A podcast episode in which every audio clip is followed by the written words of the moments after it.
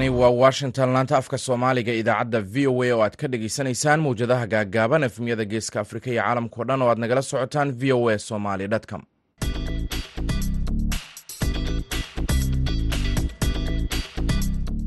Duhur wanaagsan dhegeystayaal waa maalin axada bisha agostona waa toddobiyo sanadka labada kun iyo saddexiyo labaatanka. Afrikada bari saacaddu waxay tilmaamaysaa kowda iyo barka duhurnimo washingtonna waa lixda iyo barka subaxnimo idaacadda duhurnimo ee barnaamijka dhallinyarada maanta waxaa idinla socodsiinayaa anigoo ah maxamed bashiir cabdiraxmaan.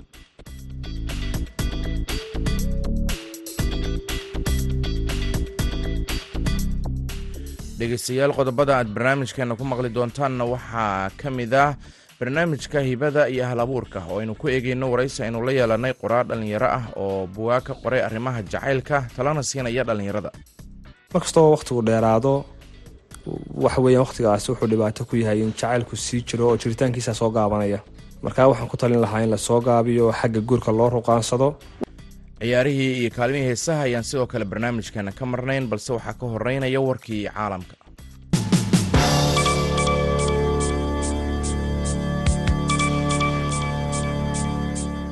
Taliska ciidamada maraykanka ayaa sheegay in duqeyn lala beegsaday ururka al-shabaab kadib codsi ka yimid dowladda soomaaliya sabtidii duqeynta ayaa taliska africom ay sheegeen inay ka dhacday meel afartan iyo shan kilomitir dhinac waqooyi galbeed ka xigta magaalada kismaayo laguna dilay saddex iyo toban ka tirsan maleeshiyaadka al-shabaab.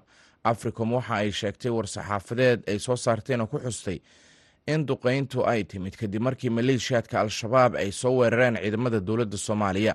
Africom waxay intaa ku dartay in dad aan waa dad rayid ah aysan waxba ka soo gaarin duqeyntan diyaarad ay leeyihiin ciidamada maariniska maraykanka ayaa hadda maanta ah ku burburtay jasiirad ku taalla waqooyiga australia halkaasi oo ay ku dhinteen saddex ka mid ah ciidamada badda. Labaatan kalena ay ku dhaawacmeen xilli uu socday dhoolatus tababar oo dhowr dal ay ka qaybgalayeen sida ay saraakiishu sheegeen saddex ka mid a askarta ayaa la xaqiijiyey inay ku dhinteen jasiiradda melville.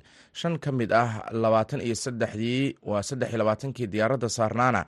Waxaa iyagoo qaba dhaawacyo daran loo duuliyey cisbitaal siddeetan kilomitir u jira magaalada darwin. Si halkaasi loogu daweeyo kadib markii diyaaradda belboyn osbury ay burburtay abaaro sagaalkii iyo barkii subaxnimo waqtiga maxalliga ee dalkaasi ayaa lagu yiri bayaan ka soo baxay ciidamada mariiniska maraykanka bayaanka ayaa intaa ku daray in sababta burburka keentay baaritaan uu haatan ku socdo. Diyaaradaha qumaatiga u kaca ayaa la geeyey aagga ah oo burburku ka dhacay. Sida ay u soo qaadaan dhaawacyada kale ayuu yiri taliyaha booliiska aagga waqooyi michael murvey ra'iisul wasaaraha australia anthony albanise ayaa sheegay in keliya askar maraykan ah ay ku dhaawacmeen tababarkan ay sida wada jirka ah uga wada qeybgalayeen ciidamada dalalka maraykanka australia indonesia philibiin iyo east timor. Ugu dambeynna mas'uuliyiinta gobolka florida ayaa sheegay in nin cadaan ahaa oo la cuqdadeysnaa isirnacayb uu sabtidii dukaan ku dilay saddex qof oo madow ah ka hor inta uusan isaguna isdilin kadib markii ay isku dhaceen booliiska waxa uu beegsaday koox gaar ah waana dadka madowga ah. Taasina waa dadka uu sheegay inuu doonayo inuu dilo waana mid iska cad ayuu yidhi tekey waltris oo ah shariifka magaalada jacksonville. Waxaana uu wariyaasha u sheegay isagoo shir jaraa-id ku qabtay halkaasi in ninka dilka geystay uu dhowr iyo labaatan jir ahaa. Sida uu sheegay xafiiska shariifka ninka toogashada geystay oo aan weli la aqoonsan ayaa gudaha u galay dukaanka dollar store isagoo aada u hubaysnaa qoraal uu diyaariyey oo ay heleen qoyska ninka hubaysan. Waxyar ka hor inta uusan weerarku dhicin ayuu watris sheegay inuu si fiican ugu faahfaahiyey fikradaha nacaybka daran ah ee uu aaminsanaa ninkaasi. Dilka ayaa ka dhacay meel u dhow jaamacadda edward watris oo ah jaamacad ay ku badan yihiin dadka madowga ah oo ku taala gobolkaasi ku yaalla dhinaca koonfureed ee maraykanka. Warkii dunidana dhegeystayaal waa naga intaa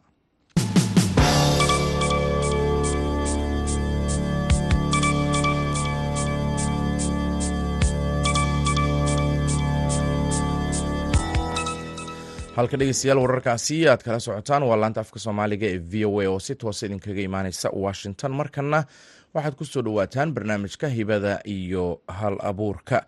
Waxaana noo haysa sagal mustafa xasan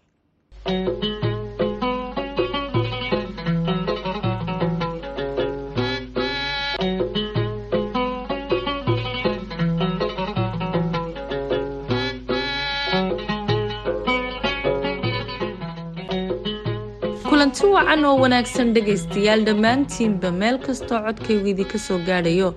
Kusoo dhowaada barnaamijka hibada iyo hal abuurka oo toddobaadkan idinka imanaya magaalada hargeysa. Anigoo sagal mustafa xasan nuura ayaana idiin soo jeedinaysa.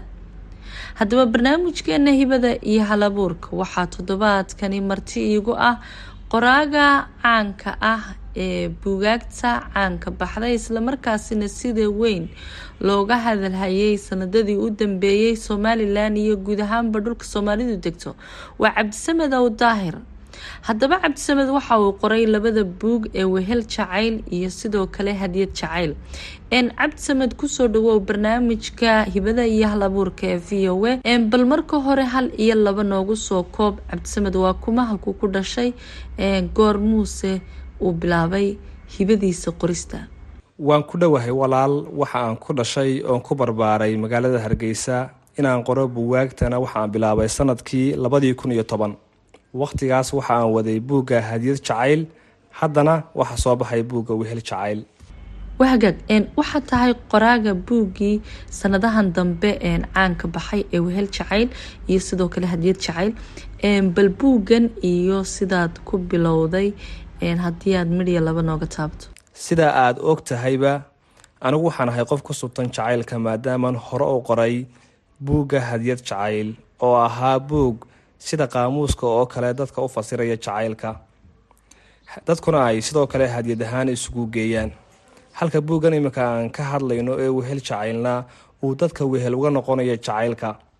Yacnii buuggan waxa uu qofku ka dheefi karaa dhalandhoolka iyo dhibta uu jacaylku leeyahay marka la isdhayalsado iyo sida labada qof ay badhaadho ugu noolaan karaan haddii inta ay jacaylka beexaamiyaan ay barbarka isla qabtaan. Mowduuca wehel iyo jacayl oo israacay waa wax weyn. Siday kuugu suuro gashay yaa si kaa caawiyay jacaylka igu dhex nool oo soo burqaday ayaa sabab noqday inaan isu lifaaqo wehel iyo jacayl. Oo runtii labada erey ay yihiin laba erey oo marka la isu geeyo macno samaynaya. Mana kala maarmaan. Jacaylku waa isu keenaha iyo wanaajinta iswehelinta labada qof. Buuggan soo bixistiisa waxaa door ku lahaa dadka jacaylka u saaxiibka ah. Waxa aan dareemay farxad iyo yididiilo aan markii horeba qabay oo rumowday. Wahagaag cabdisamed waxaad ku soo bandhigtay magaalooyinka waaweyn iyadoo munaasabadahaasi bandhigana ay ka soo qeyb galeen. Lamaanayaal iyo weliba dee dadka ehelka u ah dhanka jacaylka. Maxaa dareenta markaan arkay lamaanayaal soo buuxdhaafiyey goobihii aan bandhiga ku qabtay waxaa qalbigay galay rajo maadaama dadkii isjeclaa ay weli dunida baaqi ku yihiin. Buugga haddii aynu milicsano mar kale ma waxaad ka qortay dadka jacaylka ku guuleystay mise dadka ku guuldaraystay qisooyin noocee ah ayaad ka qortay? Sagaley labadaba waan ka qoray maadaama jacaylku guuldaro iyo guul uu labadaba leeyahay. Waayadan dambena waxaad moodaa in jacaylka aada looga cabanayo oo sida cimilada adduunku isu bedeshay uu jacaylkii daacaddahaa yaraaday. Danaysi iyo damac kale ayaad moodaa in jacaylkii wacnaa uu dhinac kale weeciyey cabdisamed hal ama laba haddii aada nooga sheegto tuducyada ugu soo jiidashada badan ee dadku aadka u xiiseeyaan ee ku jira buuggani muxuu noqonayaa? Inkasta oo buugga waxa ku qorani wada xiise leeyihiin haddana waxaan ka xusi karaa qodob odhanaya jacaylka iyo dabeecadda maxaa iska khuseeya? Dadku waxyaabo badan bay ka ogyihiin in uu jacaylku burburiyo. Laakiin anigu waxaan halkan ku soo qaatay buugga in qofka dabeecaddiisu ay ugu filan tahay muxuu ahaa dhibaato. Haddii qofka dabeecaddiisu ay tahay mid ku habboon inuu qofka lamaanihiisa ama dhigiisa ah uu kula noolaado jacaylka kula jilana uu noqonayo jacaylkaasi mid guuleysta haddii dabeecadda isaasi ay noqoto mid aan ku habbooneyna uu jacaylkaasi dhimanayo. Marka saddex qaybood baan u qaybiyey buugga ayaanay ku xusan tahay.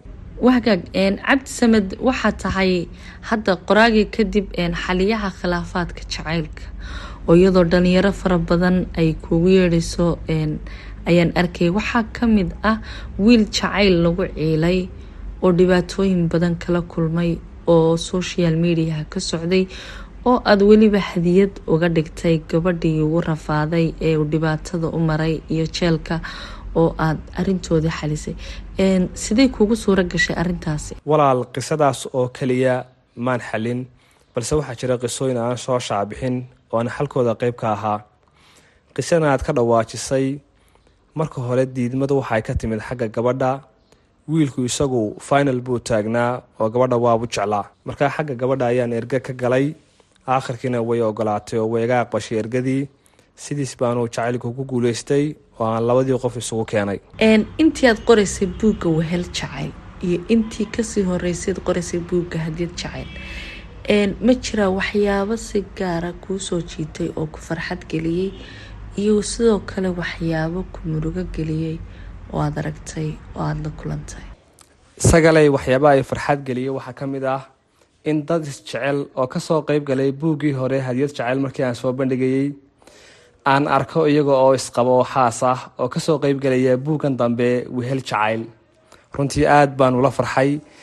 In dad aan ogaa muxuu ahaa iyagoo haasaawaya haddana arko iyagoo xaasa. Taasna waxay ka mid tahay midhodhalka dee buwaagtan iyo jacaylka aan qoro. Waxyaabaha ay waxaa ka mid ah iyana taa cagsigeeda in dad aan qeyb ka ahaa ama aan ogaa muxuu ahaa wada sheekaysigoodii haddana arko iyagoo kala tegay oo keli keli u socda.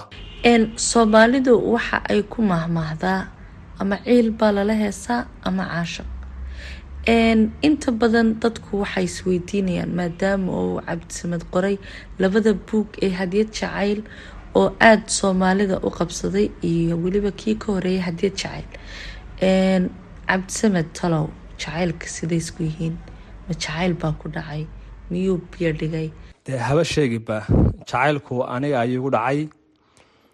Waayo afar sano ayaan gabadh la sheekaysanayey nasiib wanaag afartii sano sheekadii kuma khasaarin. Oo waa ku guuleystay oo sagalayda arooskaygu waxaabuu ka dhacayba habeenkii aan soo bandhigayey buugga wehel jacayl. Oo isla goobtii aan ku soo bandhigayey ayaan sidoo kale ku aroostay. Marka aniga ayaa jacaylka ehel u ah yacni wax aanan anigu ogeyn oo aanan goobjoog ahayn kama sheekayn oo aniga ayaa daris la soo noqday. Muddada intaa leegna muxuu ahaa sheeko soo waday. Waxgaag haddii aada isbarbardhig ku sameyso jacaylkii wakhtiyadii hore iyo jacaylka wakhtiyadan dambe maxaad ku qiimeyn lahayd? Farqi intee leeg baase u dhexeeya labadooda? Wakhtiyadii hore iyo hadda waxaad moodaa inuu farqi aada u dhexeeyo waayo wakhtiyada hore dadku jacaylka may sheegan jirin. Yacni qof muu odhan karin qofkaasaan jeclahay ama dad isjecel oo laysku yaqaanaa may jirin. Qofku inuu sheegto marka laga yimaado dee in muxuu ahaa uu ku cataabo ama uu la calaacalaana wax waxay ahayd wax reeban oo qofka lagu quursado. Halka wakhtigan la joogana dadku dee jacaylka si caadiya isugu sheeganayaan. Qofka jacaylku yaro xanuujiyana waxa uu la cataabayo dad isjecelna intaa aynu aragna qisadooda iyo sheekadooda. Waxaa la yidhi wakhtiyadii hore gabadh baasho wiil ay jeclayd dhintay. Deedna gabadhaasi maalin walba markay ariga raacdo way ka dhex oydaa deedna aabaheed baa dhow jir arkay. Deedna wuxuu aaba maxaad la ooyeysaa? Waxay tiri aaba orgigeeni hebel. Ee dacwadu cuntay baan ka sii qiiraysan oon la ilmeynaya deedna haddana maalintii labaad buu arkay iyadoo ooyeysa ariga ka dhex ooyeysa wuxuu ui aabo maxaad la ooyeysaa maantana? Waxay tiri aabo weli orgigeenii ayaa xusuustiisa igu jirtaayoo aan la ilmeynaya. Deedna wuxuu aabo baroorta orgiga ka weynee bal waxay sheeg. Marka waxaa la dhaha halka ay ku soo baxday muxuu ahaa mahmahdaas ama halkudhiga baroorta orgiga ka weyn. Wakhtiyadii hore waxa aad moodaa in malaha weerar bulxan iyo cilmi boodharibi ay ugu horeeyeen wax jacaylka la soo bambaxa oo banaanka iskeena markaa dee farqiga intaa leeg baa udhexeeya xagga raandhiiska ama muxuu ahaa dee asal ahaanta asal waxa aad moodaa in muxuu ahaa jacaylka hore ka raandhiis fiicnaayo ka waaritaan fiicnaa. Waayo wakhtiyadii hore dee dadku waxay ahaayeen dad haddii jacayl ay wada bilaabaan ha qarsoonaadabe isku waara oo isweheshigooda uu noqdo wax muddo dheer jira. Waxaa la yidhi dadkii hore jacaylkooda mu ahayn sida kan dambe casriga ah ee romantigee dadku ereyada kalgacalka le iyo muxibada badan isku muujinayaan. Waayo nin baa layidhi gabadhaada ma jeceshahay? Markaasuu yihi waaban qabaaye maxaan ka jeclaan. Halka iminkana muxuu ahaa jacaylka danaysu ku soo batay. Dadku siiroo fudud isku jeclaanayaan siiroo fudud u kala tegayaan. Marka waxaad moodaa iminka in xiisuhu batay waayo waqtiyadii hore rag iyo dumarku inay is helaan aad bay u adkayd. Halka iminkana si fudud la isku helayo. Waxaan sagalay jeclaan lahaa maadaama dadkii mucaashaqiintahaa ay soo xaadireen oo hadda ayna dhegeysanayaan. Inaynu u daarno hees anigu aan jeclahay oo waxaweyaan dadka aad moodo in aan ka xigtaysto heesta seynab cige ee tiraahda walle aniga caashaqu wehelkayga weeyaan wiil layga beeriyo wadnahayga weeyaan. Heestaasi waxa ay muujinaysaa in waxaweyaan jacaylka aniga aan cidi iga xigin. Sidoo kalena waxa weeyaan qof kastana uu heestaa yani isagu naftiisa ka soo qaadi karaya in jacaylka de uu xigtaysto oo qofkii wax ka sheegana waxa weeyaan ay coloobaan. Marka heestaas baynu ku nasin doonaa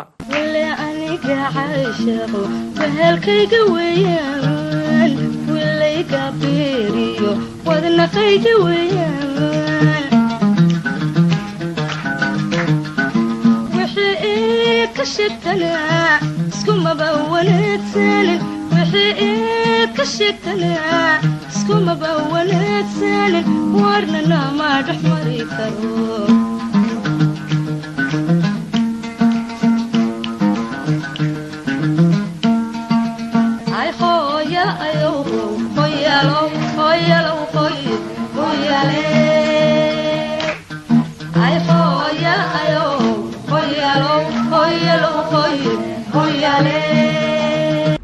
haddii aynu eegno dhanka hadafkaaga muxuu yahay? Hadafkaygu waa inaan caawiye u noqdo kuwa jacaylka u dhiban oo aan barbar istaago inta ku guulaysatana aan ku dhiirigeliyo sii wanaajinta xidhiidhka iyo sii adkeynta ugu dambeyntii maxay tahay fariinta aada halkani aada u direysaa dhalinyarada ehelka jacaylka u ah?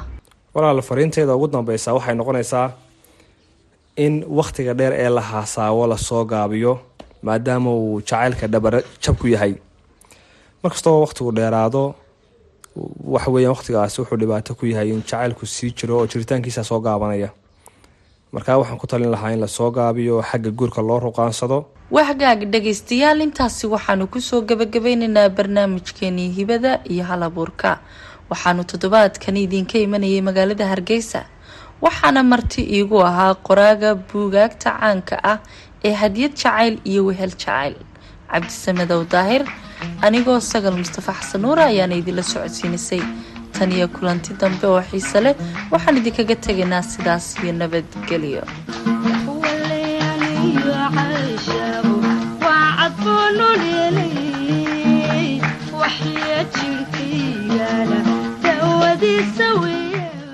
mahadsanid sagal mustafe oo barnaamijkaasi hibada iyo halabuurka nala socodsiinaysa halkaad kala socotaana waa laanta afka soomaaliga ee v o a oo si toos idinkaga imaaneysa washington. In ka badan afar boqol iyo soddon iyo sideed muhaajiriin ah ayaa laga soo badbaadiyey biyaha badda mediteraneanka halkaasi oo markabka muhaajiriinta badbaadiya ee ocean viking oo gurmad u fidiyey sida uu sheegay ururka s o s ee ka howlgala baddaasi warbixin umuurtan ku saabsan waxaa magaalada london ka soo diray cabdixaafid cawil ismaaciil. Ururkan maamula markabkan uu fadhigoodu yahay dalka faransiiska ayaa howlgalkan samata bixinta ka fuliya biyaha caalamiga ah ee u dhexeeya xeebaha libiya iyo tuuniisiya subaxnimadii hore khamiistii ayuu ururka maamulka markabkaasi sheegay inay badbaadiyeen laba boqol iyo labayo toddobaatan qof oo ka soo jeeda jinsiyado kala duwan oo la socday saddex doonyood badweynta mediteraneanka waana marinbiyoodka ugu khatarta badan ee tahriibiyaashu isticmaalaan. Muhaajiriintana badbaadiyey waxaa ka mid ahaa laba iyo soddon da-yar ah oo aan waalidkood la socon sagaal carruur ah iyo shan qof oo naafo ah sida ururka s o s ee xarintoodu tahay magaalada mersel u xaqiijiyey warbaahinta v o a-da markabkan ayaa waxa kale oo uu badbaadiyey boqol iyo lix iyo soddon qof kadib markii uu u gurmaday dhowr doomood oo ciladi ku timi. Isla baddaasi mediteraneanka dadkaasi doonyahaasi la socday ayaa la daadgureeyey iyadoo ay ciidamada ilaalada xeebaha talyaaniguna ay qeyb ka ahaayeen howlahan samata bixinta meel u dhexaysa xeebaha tuuniisiya iyo jasiiradda talyaaniga ee lambadusa jasiiradan yar ee lambadusa ayaa u jirta boqol iyo shan iyo afartan kilomitir tuuniisiya waana goobta ugu horeysa ee ay beegsadaan muhaajiriinta isku soo biimeeya socdaalka khatarta badan ee ay doonayaan inay ku gaadhaan yurub iyagoo ka soo kicitamaya waqooyiga afrika turkiya ayaa iyaduna ah goob ay muhaajiriintu uga soo talowday yurub iyaga oo u soo kicitima dalka griiga waxaa jiray dhowr doonyood oo ku qarqamay badda u dhexaysa labada dhinac oo ay dad soomaali ahi oo u badan dhalinyaro ku dhinteen. Sidaasi oo ay tahayna waxaa jira soomaali u badan dhalinyaro oo ku sugan dalka turkiya oo sugaya sidii ay uga tahriibi lahaayeen qaar ka mid ah dhalintaasi oo aan telefoonka kula xidhiidhay kana cudur daartay inay codkooda duubaan. Sababo la fahmi karo awgeed ayaa ii sheegay inay door bidayaan tahriibta. Sababo la xidhiidha fursadaha shaqo ee ka jira deegaanadii ay ka yimaadeen iyo weliba xiisado colaadeed. Cabdifataax xasan yuusuf oo bartay siyaasadda iyo diblomaasiyadda oo degan magaalada istanbul ayaa hore v o a da ugu sharxay shabakada tahriibayaasha ee ku sugan dalka turkiya gaar ahaan magaalo xeebeedka ismir cabdixaafid sidoo kale shabakadahan waxay ka soo kala jeedaan dadadka ugu badan ee ka tahriiba dalka turkiga gaar ahaan dadka imika ugu badan ee ka tahriiba dalka turkiga maadaama yihiin suuriyiin waxaa jira gruub badan oo caraba oo dadka ka soo jeeda ama shabakadaha ka soo jeeda carabta ka tahriibaan qolooyinka ka soo jeeda afganistaniinta iyo iyo gruubyada kalena waxay ka tahriibaan ama ay ku xidhayn shabakadaha kale iyaguna afghanistan ama dadka kale ay isfahmi karaan marka shabakadu waxay ku kala xidhayn ama u wada shaqeeyaan sida qaabka isku fahmayaan dadka ay tahriibinayaan inta kale ka soo hadhana waxay ku xidhayin gruubyadaasoo ay wada shaqeyn leeyihiin maadaama ay ka wada shaqeeyaan hal shaqo oo ah in dadka laga saaro dalka turkiga. Afar boqol iyo sideed iyo soddon muhaajiriin ah waa tirada guud ee sideed iyo afartankii saacadood ee u dambeeyey laga badbaadiyey badda mediteraneanka markabkan ayaa ka hor howlgallada samata bixinta ku sii jeeday magaalo xeebeedka ginewa oo ku taala waqooyiga talyaaniga. Sida ururka qaramada midoobay iyo ururka muhaajiriinta caalamiga ah ay sheegeen sanadkan badda mediteraneanka waxaa ku naf waayey laba kun iyo saddexiyo toban muhaajiriin ah. Waa tiro ka badan sannadkii hore ee labada kun iyo labaiyo labaatankii oo kun afar boqol iyo toddobiyo toban muhaajiriin ah ay ku dhinteen baddaasi cabdixaafid cawir ismaaciil v o a london.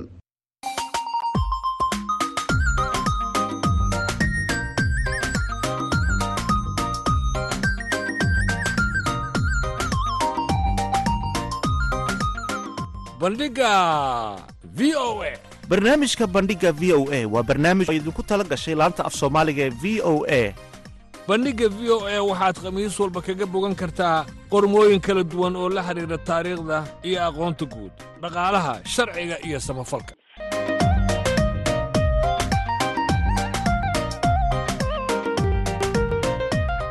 Haddii aad rabto inaad wax ka ogaato taariikhda dunida iyo aqoonta guud ha moogaan bandhigga v o a bandhiga v o e kala soco laanta af soomaaliga ee v o e maalin kasta oo khamiis ah.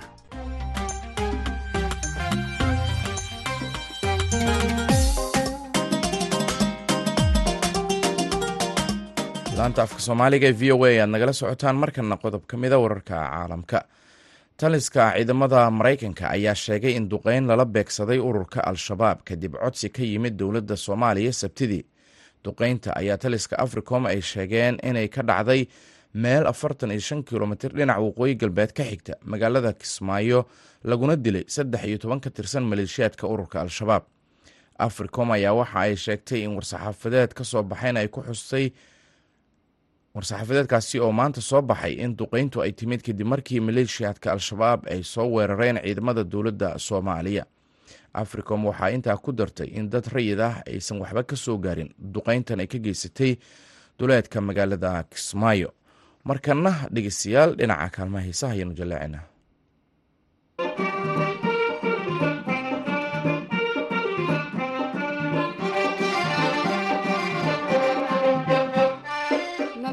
ruuxi gaxsha godolkii soomaaliya sidan anigu ku galay gafi maysid adigu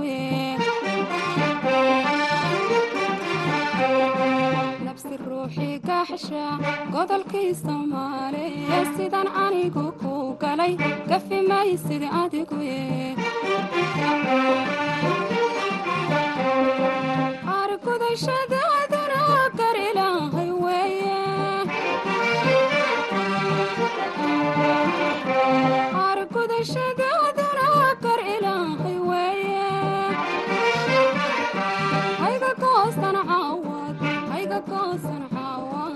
iga gacan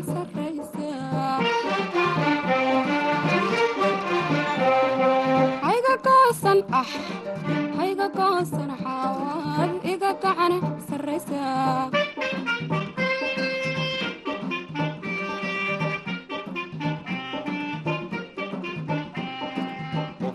abaalkii yahay guul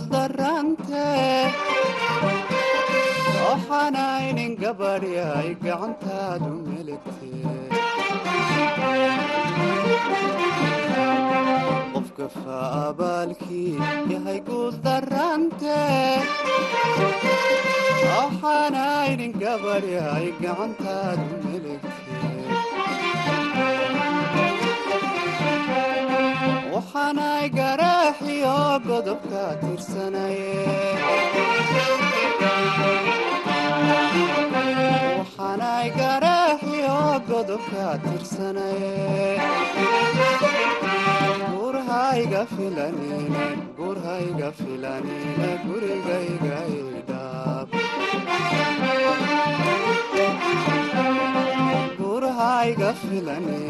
gurhayga filanine gurigayga idhaab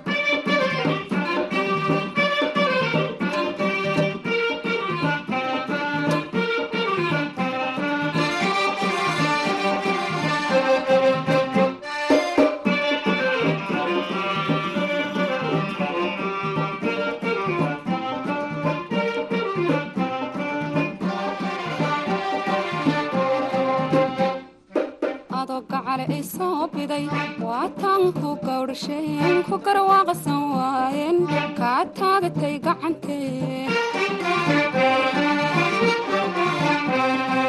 adoo gacale i soo biday waataan ku gawdhasheen ku garwaaqsan waayeen kaa taagatay gacantee waxaan anigu gaystaa goobta i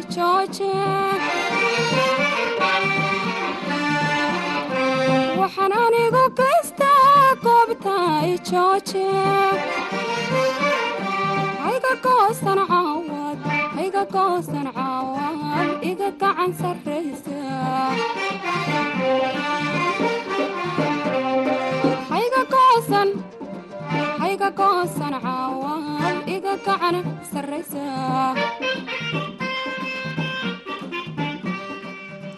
intaasina dhegeystayaal waxaanu ku soo afjaraynaa idaacaddii duhurnimo ee barnaamijka dhallinyarada maanta oo si toos idinkaga imaanaysay laanta afka soomaaliga ee v o a. Tan iyo kulanti dambe waxaan idin leenahay nabadgelyo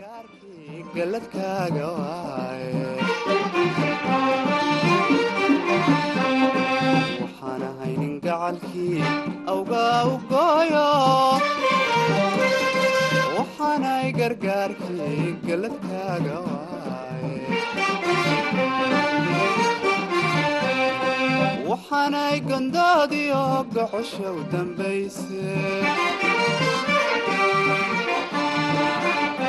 Waxaanay gandoodiyo gocoshow dambayse. Gurhayga filanine gurhayga filanine gurigayganidhaab gurhayga filanine gurhayga filanine gurigayganidhaab gowraa